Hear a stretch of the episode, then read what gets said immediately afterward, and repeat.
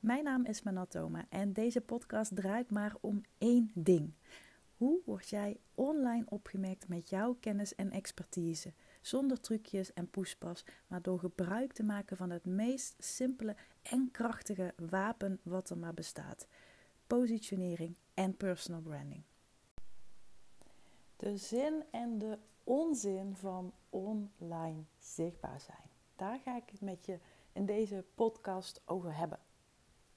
Jaren geleden al maakte ik een statement. En als je nu denkt, statement, wat bedoelt ze met een statement? Daar zal ik een keer een andere podcast uh, over opnemen.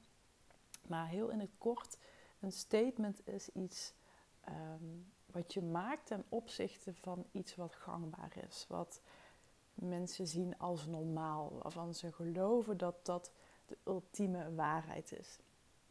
Een paar jaar geleden heb ik een aantal keer, of regelmatig groepen dat ik online zichtbaar zijn onzin vond. En daar kreeg ik toen heel veel uh, reacties op. En uiteraard heb ik dat statement wel um, genuanceerd. Ik heb daar natuurlijk wel in de begeleidende tekst meer, nou ja, meer tekst en uitleg over gegeven. Want het is natuurlijk niet zo plat zoals ik het nu zeg. Maar door zo'n statement te maken, zorg je er wel voor dat mensen stoppen met scrollen. En dat is eigenlijk ook meteen het eerste punt wat ik wil maken als je het hebt over online zichtbaar zijn. Want heel veel ondernemers, heel veel mensen denken: oh, als ik maar online zichtbaar ben, dan gaat het gebeuren. Dan ga ik de klanten krijgen. Dan ga ik meer omzet draaien. Punt is alleen, dat iedereen tegenwoordig online zichtbaar is. Ik bedoel, zelf mijn hond Okkie en mijn kat Bruce, die zijn ook online zichtbaar. Dus dat je online zichtbaar bent, dat zegt natuurlijk nog helemaal niet zoveel. Ik zeg ook wel eens zo, je kunt mensen laten scrollen, dat is één, en dat is leuk en aardig, maar hoe laat je ze stoppen met scrollen? Daar ligt de echte kunst. En dat is eigenlijk ook meteen het, eerste wat ik je wil meegeven. Het gaat er niet om dat alle ogen op je gericht zijn. Het gaat erom dat de juiste ogen op je gericht zijn. Dat je de juiste mensen prikkelt en prikt met jouw content. En dat betekent ook dat je moet durven kiezen. Dat je moet durven kiezen wat je gaat zeggen, tegen wie je dat gaat zeggen en waarom je dat zegt. Want anders blijf je heel erg in een grijs gebied. Hè? Als je op Instagram bijvoorbeeld kijkt, nou, heb je vrij generieke tips die je bij, bij iedereen leest. En daar is natuurlijk aan zich niks mis mee. Maar het stomt de mensen wel een beetje af. Dus ga er eens over nadenken waar, welk statement jij zou durven te maken, willen maken online. En misschien vind je dat nog eng en voelt het nog oncomfortabel. Maar geloof me, dat is echt een spier die je kunt trainen. Uh, en ik denk ook dat je hem moet trainen want juist als je ergens tegenin durft te gaan, dan zul je ook gaan zien dat je opvalt. En het is ook heel erg het spel van aantrekken en afstoten, wat ik wel vaker zeg. Je gaat mensen afstoten omwille wat je zegt. Maar daardoor ga je ook weer mensen aantrekken om wat je zegt. Ik kreeg laatst van iemand te horen, ehm, en dat hoor ik vaker, dat ik, ik, heb, ik heb gewoon heel specifiek woordgebruik. Uh, dat, dat, dat is gewoon iets wat, wat in me zit en wat ik heel erg ben gaan uitvergroten en uitlichten. Dat is natuurlijk ook hoe je aan je persoonlijke merk werkt. En er was iemand die voelde zich daar heel erg toe, uh, ja, haast beledigd wel. En ze ging daardoor ook um, ja, er wel op in. En ze zei ook van, nou, ik, ik vind aan de ene kant vind ik het gewoon hè, bewonderenswaardig dat je dit doet en dat je dit durft. En eigenlijk zou ik het zelf ook wel willen. En we hebben toen eigenlijk een heel leuk gesprek gehad. En ze zei van, ja, ik snap nu echt zo goed wat je bedoelt. En want ik was in eerste instantie, voelde ik me een beetje aangesproken. En, maar het heeft me wel echt heel erg aan het denken gezet. En dat is het mooie ervan. Dat je dat alleen al bereikt bij iemand. Dat je iets van een knop omzet, waardoor ze ja, gewoon niet meer op dezelfde manier naar datgene uh, kijken waar ze een bepaald beeld over hebben. Dat je dat weet te shiften. Ja, online zichtbaar zijn. Er zijn een aantal punten die, uh, die ik in ieder geval voor nu wil bespreken. Um, en de reden ook dat ik deze podcast nu opnam is omdat afgelopen week iets interessants gebeurde. En, en vandaar ook dat ik over dit onderwerp uh, iets wilde schrijven. Er was namelijk iemand die met mij in gesprek wilde uh, en mij een DM stuurde en aangaf: Ik heb net al jouw, of al, niet al, maar diverse highlights in jouw Instagram profiel gebinged watched, zo zei ze het echt. En ze zei iets in de trant van: Het maakt me eigenlijk niet eens meer uit wat het kost, maar ik weet gewoon dat ik jou moet hebben. Ik wil gewoon, dit wil ik gewoon. Nou, en om even in te gaan op het stukje highlight, voor het geval je dat uh, niet weet wat dat is. Een highlight is een, uh, is een verzameling stories, afbeeldingen, filmpjes, wat dan ook, in je Instagram profiel. En dan kun je een, um, daar kun je een, ja, een highlight, zoals ze dat noemen, van maken. En dat kun je dan bewaren in je profiel.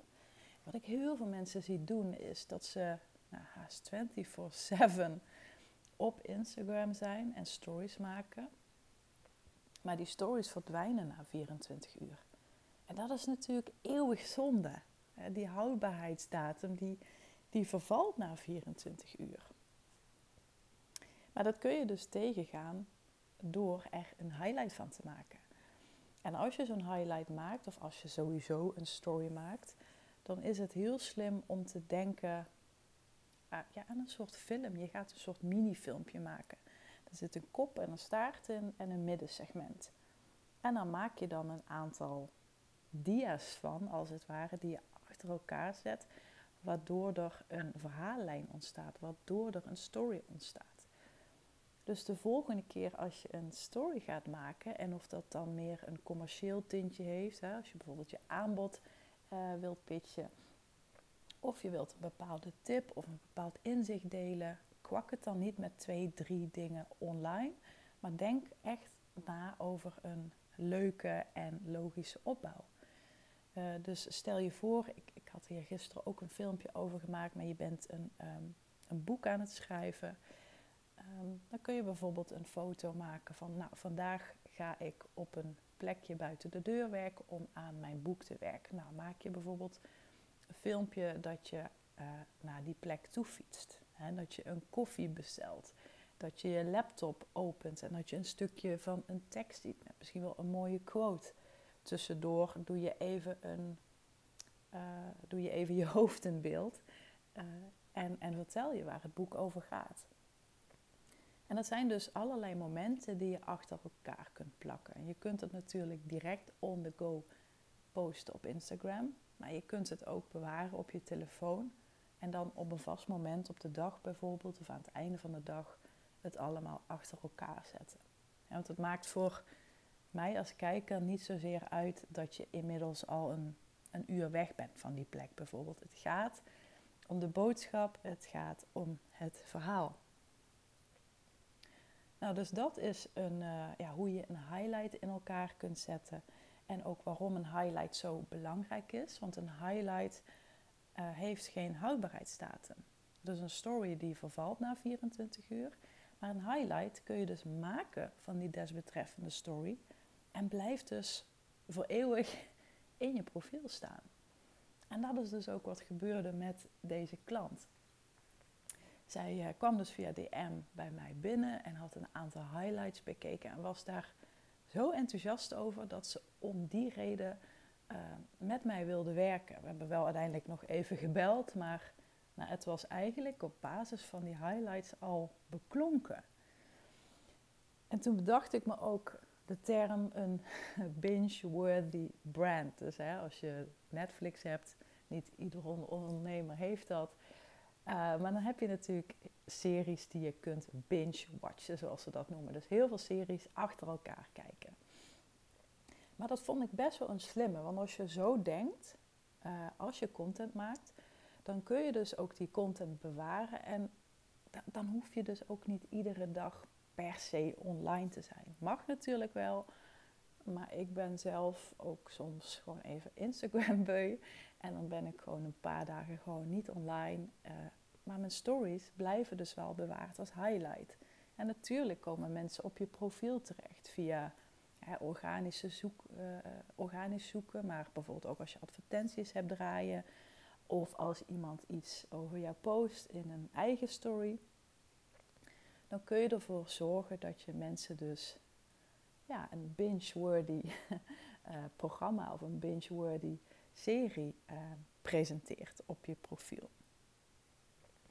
Dus dat is uh, in ieder geval wat ik je wil meegeven. Ga daar eens over nadenken hoe je op een meer duurzame manier online zichtbaar kunt zijn. Want laten we wel wezen, online zichtbaar zijn is soms doodvermoeiend.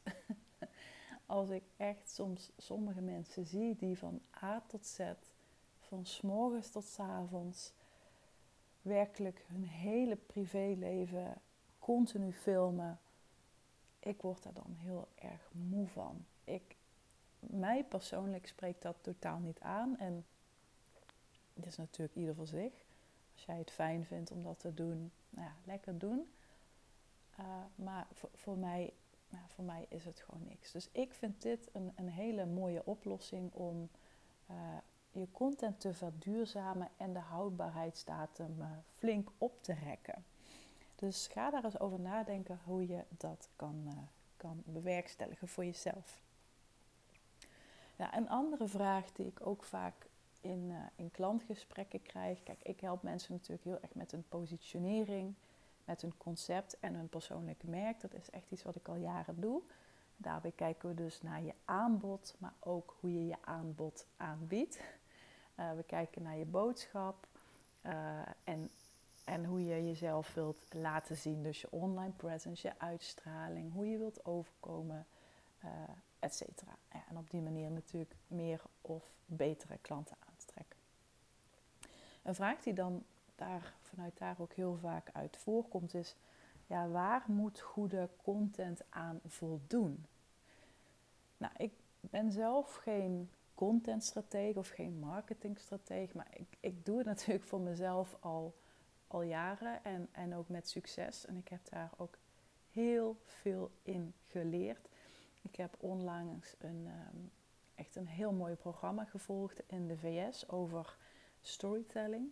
En ook daar heb ik weer heel veel haakjes en heel veel inzichten en inspiratie uitgehaald. En iets wat daar ook weer naar voren kwam, dat had ik natuurlijk al vaker gehoord, maar wat ik wel even met je wil herhalen, is dat heel veel mensen die content maken, die hebben het heel erg over het hoe en het wanneer en het waar. Dus heel erg inhoudelijk, zeg maar. Terwijl je content moet veel meer gaan over wie, dus de persoon die jij uiteindelijk wilt helpen, die jij uiteindelijk aan tafel wilt. Wat het is, ja, wat je doet en vooral ook waarom dat zo belangrijk is. dus wat is positionering en waarom is dat zo belangrijk? Daar schrijf ik over, daar praat ik over. De precieze stappen die die bewaar ik. Die, uh, dat, dat zijn zeg maar de, de geheimen van de kok, om het zo maar te zeggen. Dus als je het even met, met eten vergelijkt, een van mijn favoriete onderwerpen by the way, dan is iets wat heel veel ondernemers doen, is veel te veel uitserveren. Je propt je klant eigenlijk al hartstikke vol met gratis spul. En tegen de tijd dat je wilt dat ze gaan bestellen of ja zeggen tegen jouw menu, zeggen ze: Poeh, ik heb eigenlijk, uh, ik heb eigenlijk wel genoeg uh, gegeten. Ik, uh, ik wil graag afrekenen. Ja, dat wil je natuurlijk niet. En het is niet jouw fout dat je dit denkt. Want er zijn, er zijn natuurlijk ook heel veel goeroes die zeggen: geef alles wat je in je hebt. Hè. Geef onvoorwaardelijk. En deel alles wat je maar weet. En ik ben het daar gewoon niet mee eens. Kijk, natuurlijk, je mag geweldige content maken. Maar dat betekent niet dat je mensen moet overweldigen. En dat, dat is echt iets wat ik de laatste tijd vooral heel veel terugkrijg. Ik had laatst een gesprek met iemand. En uh, die had ook een gesprek gehad met een uh, business coach.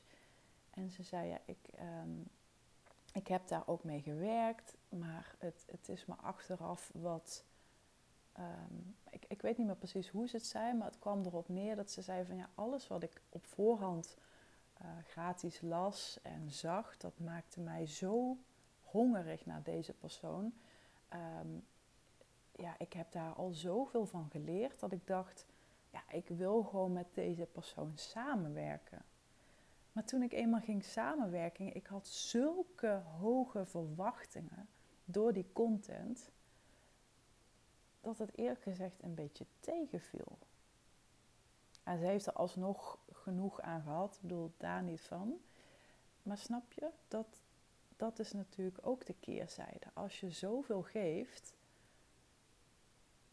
ja, wat is dan datgene wat je krijgt als je in een betaaltraject zit? Kijk, als je dan nog heel veel achter de hand hebt, prima. Maar wees je daarvan wel bewust. Deel geweldige content, maar vermijd een overweldigend gevoel. Praat ook heel erg gewoon over. Het klinkt een beetje gemeen. Ik zeg het ook vaak tegen mijn klanten, maar ik durfde vroeger nooit zo goed over de pijntjes en de pijnpunten te praten van mijn klant. Ik vond het altijd een beetje smerige marketing. ik vond het altijd, het voelde voor mij gewoon niet goed. Totdat ik op een gegeven moment ook door een mentor ben gaan leren. Die zei van, ja, maar het gaat er niet om wat jij voelt. Laat dat nou eens los en focus je op wat die klant voelt. En die klant die wilt horen wat er fout gaat. Want die zoekt een oplossing. Daarom is die nu op Google aan het rondzoeken. Of is die naar allerlei podcasts aan het luisteren. Ze willen horen wat er mankeert. Zodat ze er ook iets aan kunnen doen. En ik maak ook vaker de vergelijking met, uh, met artsen. Ook nou, omdat ik zelf natuurlijk met een uh, uh, ernstige longziekte te kampen heb. Dus ik, um, ik zit aardig in dat medische circuit. En ook daar, artsen denken echt niet van... Ja, het voelt voor mij niet goed om tegen haar te zeggen dat de foto weer slecht is. Die draaien er geen doekjes om. Die zeggen het gewoon. dat, die waarheid is soms schokkend, maar wel nodig om verder te kunnen. Dus durf, durf echt over die pijnen te praten, over die problemen te praten. Sterker nog, je mag er een schepje bovenop doen. En je mag die problemen best nog een beetje uitvergroten. Want sommige mensen, en, en zeker in bepaalde situaties, zijn zich gewoon niet bewust van wat er kan gebeuren als je niks aan dat probleem doet als je niet die oplossing aangrijpt die jij hebt. Dus ga eens voor jezelf na. Welke klant dat is, en welk probleem ze hebben en wat er allemaal op het spel staat op de korte en op de lange termijn als ze er niks aan doen. En daar kun je over schrijven. Daar kun je over praten. Daar kun je filmpjes over opmaken. Alleen dat al, dat kan heel, kan heel helpend zijn voor iemand. Dat iemand zegt van goh, zo heb ik het nog nooit bekeken. En dat effect wil je hebben. En natuurlijk, je moet niet de gemene kwelgeest uit gaan hangen. Dus ik ben ook, ik ben ook wat dat betreft een. Ik hou niet van, laat ik het zo zeggen, ik hou niet van negativiteit. Ik wil het altijd het positieve draaien. Dus ook dat zeker doen. Laat ook de andere kant zien. hey, wat als we hier wel wat aan gaan doen? Hoe ziet het er dan voor je uit op de korte en op de lange termijn? Dus ga dan heel erg praten over verlangens, dromen, doelen, ambities. En praat ook daarover. Je kunt het ook wel vergelijken met um, als je je content gaat schrijven, bedenken, of je gaat een e-mail funnel schrijven of een webinar bedenken of wat het dan ook maar is. Bepaal dan voor jezelf, of eigenlijk voor die klant, wat het uh, beginstation is. en wat het eindstation is. Dus als je zo'n, ehm, weet je wel, je hebt, je hebt wel eens van die routekaarten of van die schatkaarten van vroeger, Indiana Jones-achtig. En dan staat er met een groot kruis, jij staat hier. En dan staat er ergens anders op die kaart, staat dan zo'n vlaggetje getekend. En dan staat er meestal iets bij van einddoel of uh, hier moet je naartoe. En tussen dat beginpunt en dat startpunt is het een weerwar van stippenlijntjes en van um, alle, een weerwar van dingen. Dus het is een soort doolhof. En wat je eigenlijk wilt is heel echt dat beginpunt uh, uh, schetsen, uitleggen, daarover schrijven en ook het eindpunt. En het klinkt heel gemeen, maar je wilt ze niet de routekaart met het kompas geven. Dat heb jij.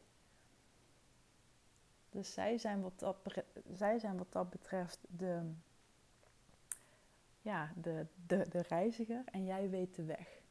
En je kunt je voorstellen als je die routekaart geeft met hier moet je linksaf, hier moet je rechtsaf, uh, hier moet je opletten, want hier um, uh, ligt drijfzand of, of wat dan ook. Ik ga even door in mijn Indiana Jones uh, verhalen. Je kunt je voorstellen dat je dan mensen eigenlijk al alles in handen geeft om het zelf te doen. En dat is dus ook iets wat heel veel mensen dan weer terugkrijgen van hè, als je bijvoorbeeld een gesprek met iemand hebt van ja bedankt, maar uh, ja, ik denk dat ik het toch eerst even zelf ga doen. En op dat moment weet je dat je gewoon uh, dat je ze hebt volgepropt met eten. En nu hebben ze geen honger meer. Nu hoeven ze jouw menu niet meer te zien. En dit, de reden waarom ik dit nu zo omschrijf is omdat dit echt mijn grootste valkuil was. Als ik met mensen in gesprek ging, ik, ik heb dat gewoon heel sterk dat ik mensen op dat moment al ga helpen. En soms help je ze vooral door, hoe zou ik het zeggen? Ja, soms help je ze vooral door ze niet te helpen. Door ze zelf even te laten sudderen en, en gaar koken. en zelf even te laten nadenken. En dat ze zelf het linkje leggen van hé, hey, oké, ik zie de oplossing. Ik ben me bewust van het probleem. Ik zie ook welke oplossing nodig is. En ik besef me ook dat jij de persoon bent die mij kan helpen om die oplossing te implementeren, zodat ik ook die resultaten ga behalen. Dat is natuurlijk wat je wilt bereiken in een gesprek. want als je ze in zo'n gesprek al alles gaat meegeven en ze lopen weg en ze zeggen, nou, uh, bedankt, de groeten, dan heb jij gewoon geen business. Zo simpel is het. En zo'n simpel inzicht ik weet niet waarom het destijds bij mij gewoon zo lang heeft geduurd. Maar daarom geef ik je dit ook mee, omdat ik gewoon zo goed snap wat er in je omgaat op zo'n moment. Het voelt gewoon niet goed om ze met een neus op hun fouten te drukken. Het voelt gewoon niet goed om ze op dat moment niet te helpen, want dat zit gewoon heel erg in je. Maar uiteindelijk gaat het er ook om dat je een, een bedrijf runt en geen hobby. Nou, dus zover uh, over uh, eindstation, beginstation en um, de routekaart in eigen hand houden. Verder wat ook heel erg belangrijk is en wat je ook heel goed moet beseffen, is dat hoe specifieker en hoe specialistischer jij zelf bent als kennisprofessional, als expert, hoe je dit ook noemen wilt, des te hoger de fees worden. Want mensen betalen veel meer als je een specialist bent. ga maar weer even na. Eh, die artsen wat ik allemaal heb. Ik ben ooit natuurlijk terechtgekomen bij een huisarts. Maar inmiddels zit ik bij een derde graads zeer gespecialiseerde longarts. Nou, daar zit echt wel een uh, wereld van verschil in. Die mensen hebben veel meer gestudeerd. Um, en, en ja, die stijgen daardoor qua omzet. ze, er zijn er maar weinig van in Nederland, dus het betekent ook dat, ze, dat het vraag aan aanbod, hoe stom het ook in dit geval klinkt, maar dat dat verandert. En dat geldt voor jou ook als kennisexpert. hoe specialistischer en specifieker je bent. En, en ook, het mooie hiervan is ook, en dat bedenk ik me nu ook even ter plekke, is dat er is niks mis mee met een, een, het zijn van een manusje van alles. Hè? Dat je overal wel een beetje verstand van hebt. Dat kan heel fijn zijn voor mensen. Zeker als ze bijvoorbeeld starter zijn en nog niet de middelen hebben om echt een specialist in te schakelen. Dus op zo'n moment kan een manusje van alles of iemand die gewoon echt een, een alleskunner is, die van heel veel markten thuis is, kan zeker helpen. Daarmee komt een ondernemer van A naar L bijvoorbeeld. Maar zij groeien op een gegeven moment naar een punt toe dat ze denken: oké, ik heb nu wel echt de boel wel redelijk staan. Maar ik zou het toch net even een stuk beter willen dan dit. En wie is dan de beste op dit gebied? Ook hier, als je kijkt naar een arts. Een, een huisarts had mij nooit kunnen begeleiden met hetgeen waar ik nu sta. En dit is natuurlijk geen leuk onderwerp, dat besef ik me maar al te goed. Maar het is voor mensen dan vaak wel heel begrijpelijk. Een huisarts is, is heel generiek. Die heeft wel een netwerk. Die kan wel mensen doorsturen of doorverwijzen. En die heeft wel de, ehm, de middelen en de kennis om mij naar een bepaald punt te begeleiden. Maar als je dan die specialistische persoon hebt, daar zijn er gewoon maar weinig van. En je hebt heel veel huisartsen, maar je hebt heel weinig gespecialiseerde longartsen. Snap je een beetje waar ik naartoe wil met het, uh, met het verhaal? Ik zit nu naar mijn telefoon te kijken en soms is het lastig als je zo aan het babbelen bent om, uh, ja, je hebt niemand voor je. Dus laat het me ook tussendoor of na afloop van deze podcast even weten. Of het duidelijk is of dat je nog een vraag hebt, dan help ik je gewoon heel graag uh, even verder. Nou, als drie laatste punten nog, wat ook natuurlijk super belangrijk is in je content, is dat je heel veel herhaalt. Ik herhaal al, ik denk nu vijf, zes jaar hetzelfde. Ik ben destijds natuurlijk begonnen als grafisch ontwerper en ik heb op een gegeven moment het roer omgegooid, zo gezegd. En dat heeft een tijd geduurd voordat mensen mij tussen haakjes accepteerden als uh, iemand die uh, in de personal branding zat, die met positionering bezig ging en met conceptdenken, concept, um, ja, conceptdesign als het ware. En dat heeft even tijd nodig. Het probleem is dat heel veel mensen zich die tijd niet gunnen. Ze proberen het een half jaar of een jaar en denken dan, ja, dit loopt gewoon niet goed genoeg. En daardoor denken ze weer dat het ligt aan hun aanbod. Maar dat is zelden het geval. Het, het gaat er echt, zoals ik al eerder zei, over hoe je het aanbiedt. En vooral ook over hoe vaak je het aanbiedt. Kijk, mensen, jouw ideale klant of jouw potentiële klanten, die zijn niet met jou bezig. Die zijn met zichzelf bezig. En dat is gewoon iets wat je heel erg moet beseffen. Mensen zijn gewoon niet met jou bezig. Dus ook al denk jij van, oh, kan ik dit nu weer zeggen? Dit heb ik vorige maand ook al gezegd of gepost. Ga het gewoon doen. Blijf gewoon herhalen. Waarschijnlijk op het moment dat jij denkt van, oh, ik heb dit nu al zo vaak gezegd. Ik word het zelf onderhand een beetje beu. Waarschijnlijk zit je dan in de buurt van het punt dat een klant denkt, of een, of een lead, of iemand uit je belanghebbend publiek, die denkt, hé, hey, heb ik nog niet eerder gelezen. Interessant. Nogmaals, ze zijn niet met jou bezig. Dus blijf herhalen, blijf het nakouwen. Echt. En, en natuurlijk kun je wel af en toe je boodschap tweaken. Hè? Dus luister ook heel goed naar wat een klant uh, aan, aan jou meegeeft. Welke woorden zij gebruiken. En zo kun je natuurlijk spelen met hoe je het zegt. En hoe je het brengt. Hoe je boodschap overkomt. Daar kun je natuurlijk mee experimenteren. Maar in de basis is dat wat je doet, moet je herhalen. En dan moet je echt durven vasthouden. Nou ja, wat natuurlijk ook heel slim is en wat ik zelf ook nog echt veel te weinig doe, dus ook even een reminder aan mezelf, is reviews delen.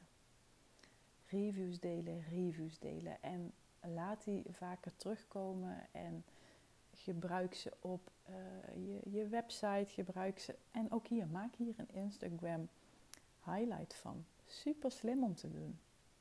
Ik heb op mijn Instagram profiel een highlight. Volgens mij heet die klanten of reviews. Weet ik uit mijn hoofd eigenlijk even niet.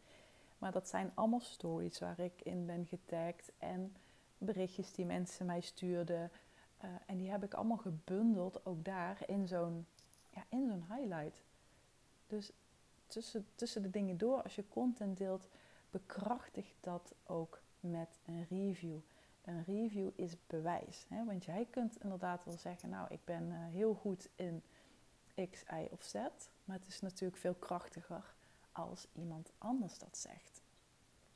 Reviews maken ook jouw positionering steeds sterker als het goed is. die onderbouwen dat wat jij doet en waar je voor staat en waar je voor gaat.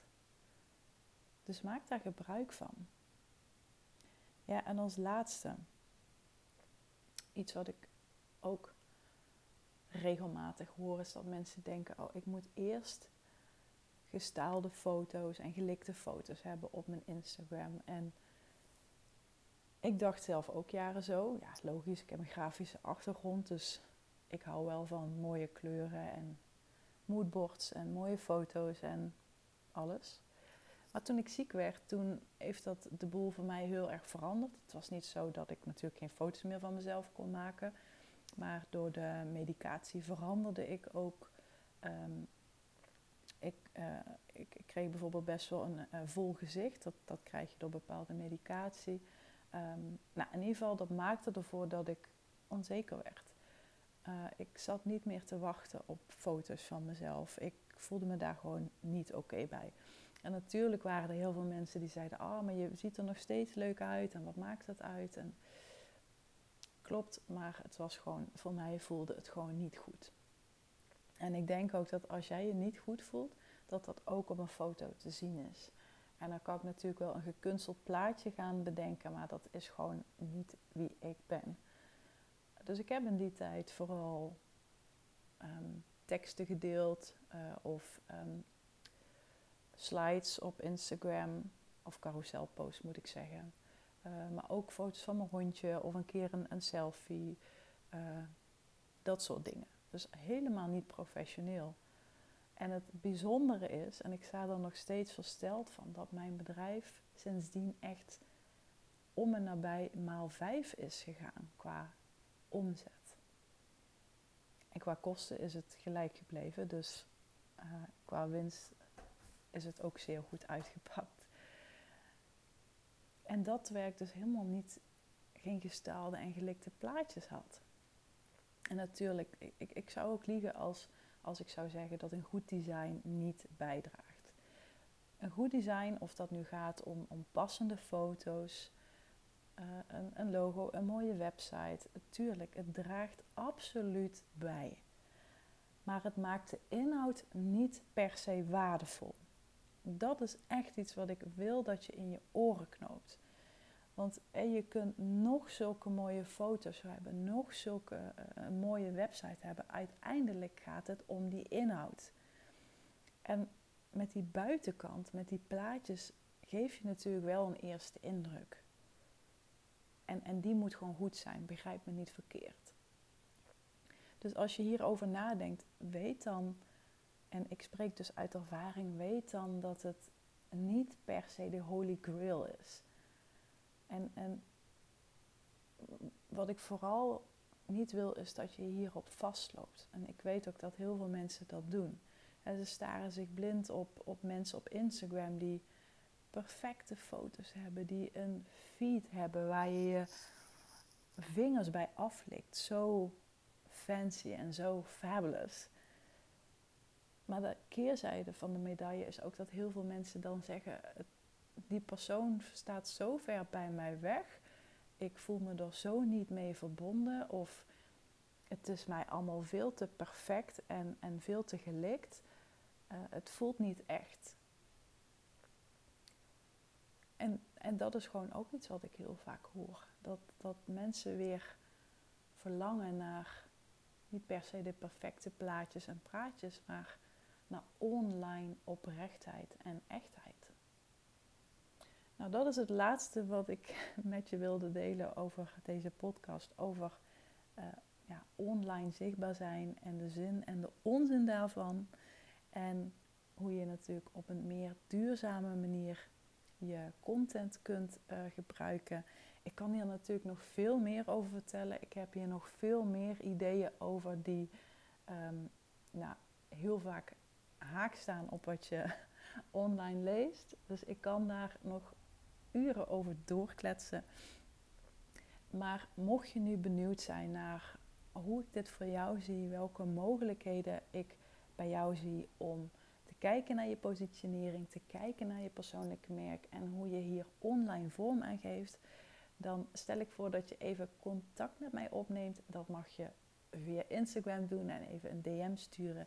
Je kunt ook naar mijn website gaan, manontoma.nl en me een mailtje sturen. mail.manontoma.nl Ook op LinkedIn kan het. Ook weer Manontoma. Super makkelijk. En uh, dan hoor ik gewoon heel graag van je of je nog vragen hebt, of je inzicht hebt opgedaan naar aanleiding van deze podcast. En um, vergeet je natuurlijk ook niet te abonneren en om mij een review te geven, het liefst met 5 sterren. en dan uh, wens ik je een hele mooie dag. Ik zou zeggen, fire in the hole, zet hem op en tot gauw. Dankjewel voor het luisteren naar deze podcast. Mocht je nu inzichten hebben opgedaan of mocht je een idee hebben voor een volgende aflevering, stuur me dan gerust een berichtje op Instagram, @manontoma, of benader mij in de Facebookgroep. Dat is de besloten membership Business Branding and Beyond. En meer informatie hierover vind je op mijn website manontoma.nl. Mocht je deze aflevering waarderen, laat dan alsjeblieft een review achter op een van de podcastkanalen of stuur hem naar iemand door. Daar doe je mij een groot plezier mee. En rest mij alleen nog te zeggen: fire in the hole, zet hem op.